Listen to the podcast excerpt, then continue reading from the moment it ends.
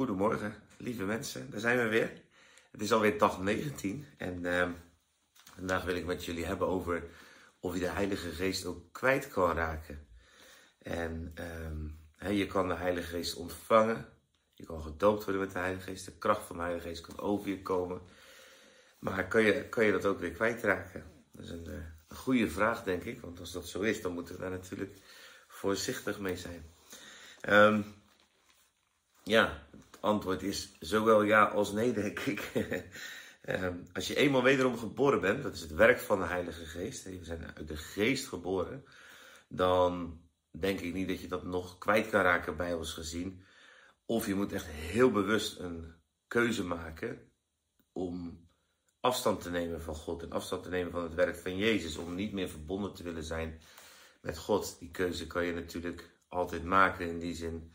um, um, zegt het woord van God daar ook wel dingen over, maar dan is dat een hele bewuste keuze die je maakt tegen God.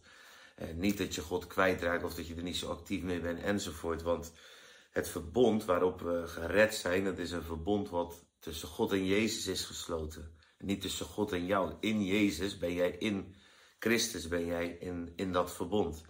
En de Bijbel zegt dat Jezus zegt in Johannes 10, ik geef hun het eeuwige leven en ze zullen beslist niet verloren gaan in eeuwigheid. En niemand zal ze uit mijn hand drukken. Dus op die manier kan je de Heilige Geest niet kwijtraken. Als je helemaal wederom geboren bent, dan ben je wederom geboren. Maar dat is iets heel anders dan natuurlijk een leven vanuit de krachten, vanuit uh, de nabijheid en de troost en de aanwezigheid van de Heilige Geest.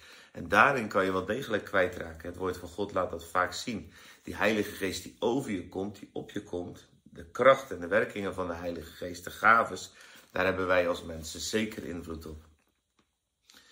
Het is heel eenvoudig. De geest, het heet Heilige Geest. De Geest is heilig. Dus daar, eh, als je naar het leven van David kijkt bijvoorbeeld, hè, over heiligheid. Op het moment dat David zich inlaat met allerlei zonden en de meest verschrikkelijke dingen doet. Uh, ook, uh, hij laat een man zelfs eigenlijk vermoorden of omkomen in de oorlog, omdat hij die vrouw van die man begeert. Um, dan zie je dat er een proces in zijn leven komt. En in Psalm 51, vers 13 leidt dat ertoe dat hij uiteindelijk zegt: Verwerp mij niet van uw aangezicht en neem uw Heilige Geest niet van mij weg. Psalm 51 uh, uh, zegt hij dat, 51, vers 13. Dus je zou kunnen zeggen dat zonde uh, de Heilige Geest verdrietig maakt. onvergevensgezindheid, leugens, laster, ehm, onreinheid, vermenging met het wereldse denken. Eh, dat zijn dingen die maken dat uh, dat wat heilig is in ons, wat heilig is op ons, natuurlijk minder zijn werking kan doen en zich als het ware, zou je kunnen zeggen, terugtrekt. En David vraagt erom, neemt uw heilige geest niet van mij.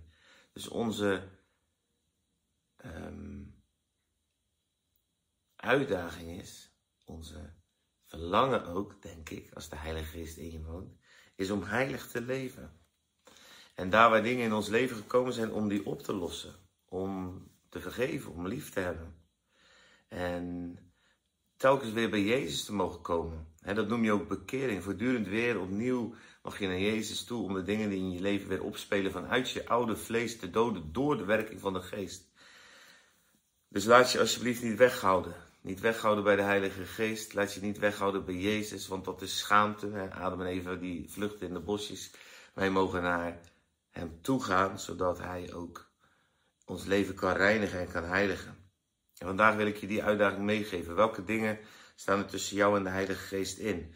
Zijn dit zaken die tegenover andere mensen staan? Los het op met die mensen. Is er onvergevensgezindheid? Stap in vergeving, hoe moeilijk dat ook is.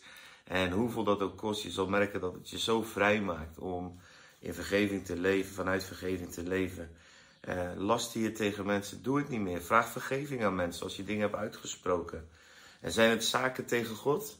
Los het op met God. Er is altijd een weg. Jezus is daar altijd. Het bloed van Jezus wat ons reinigt. Ga naar hem toe. Bespreek het met hem. En um, zoek de aanwezigheid van hem en van zijn geest. En je zal merken als je leven schoon is, dat de Heilige Geest met kracht ook weer door jouw leven kan gaan werken. Daar zegen ik je mee deze morgen in Jezus' naam.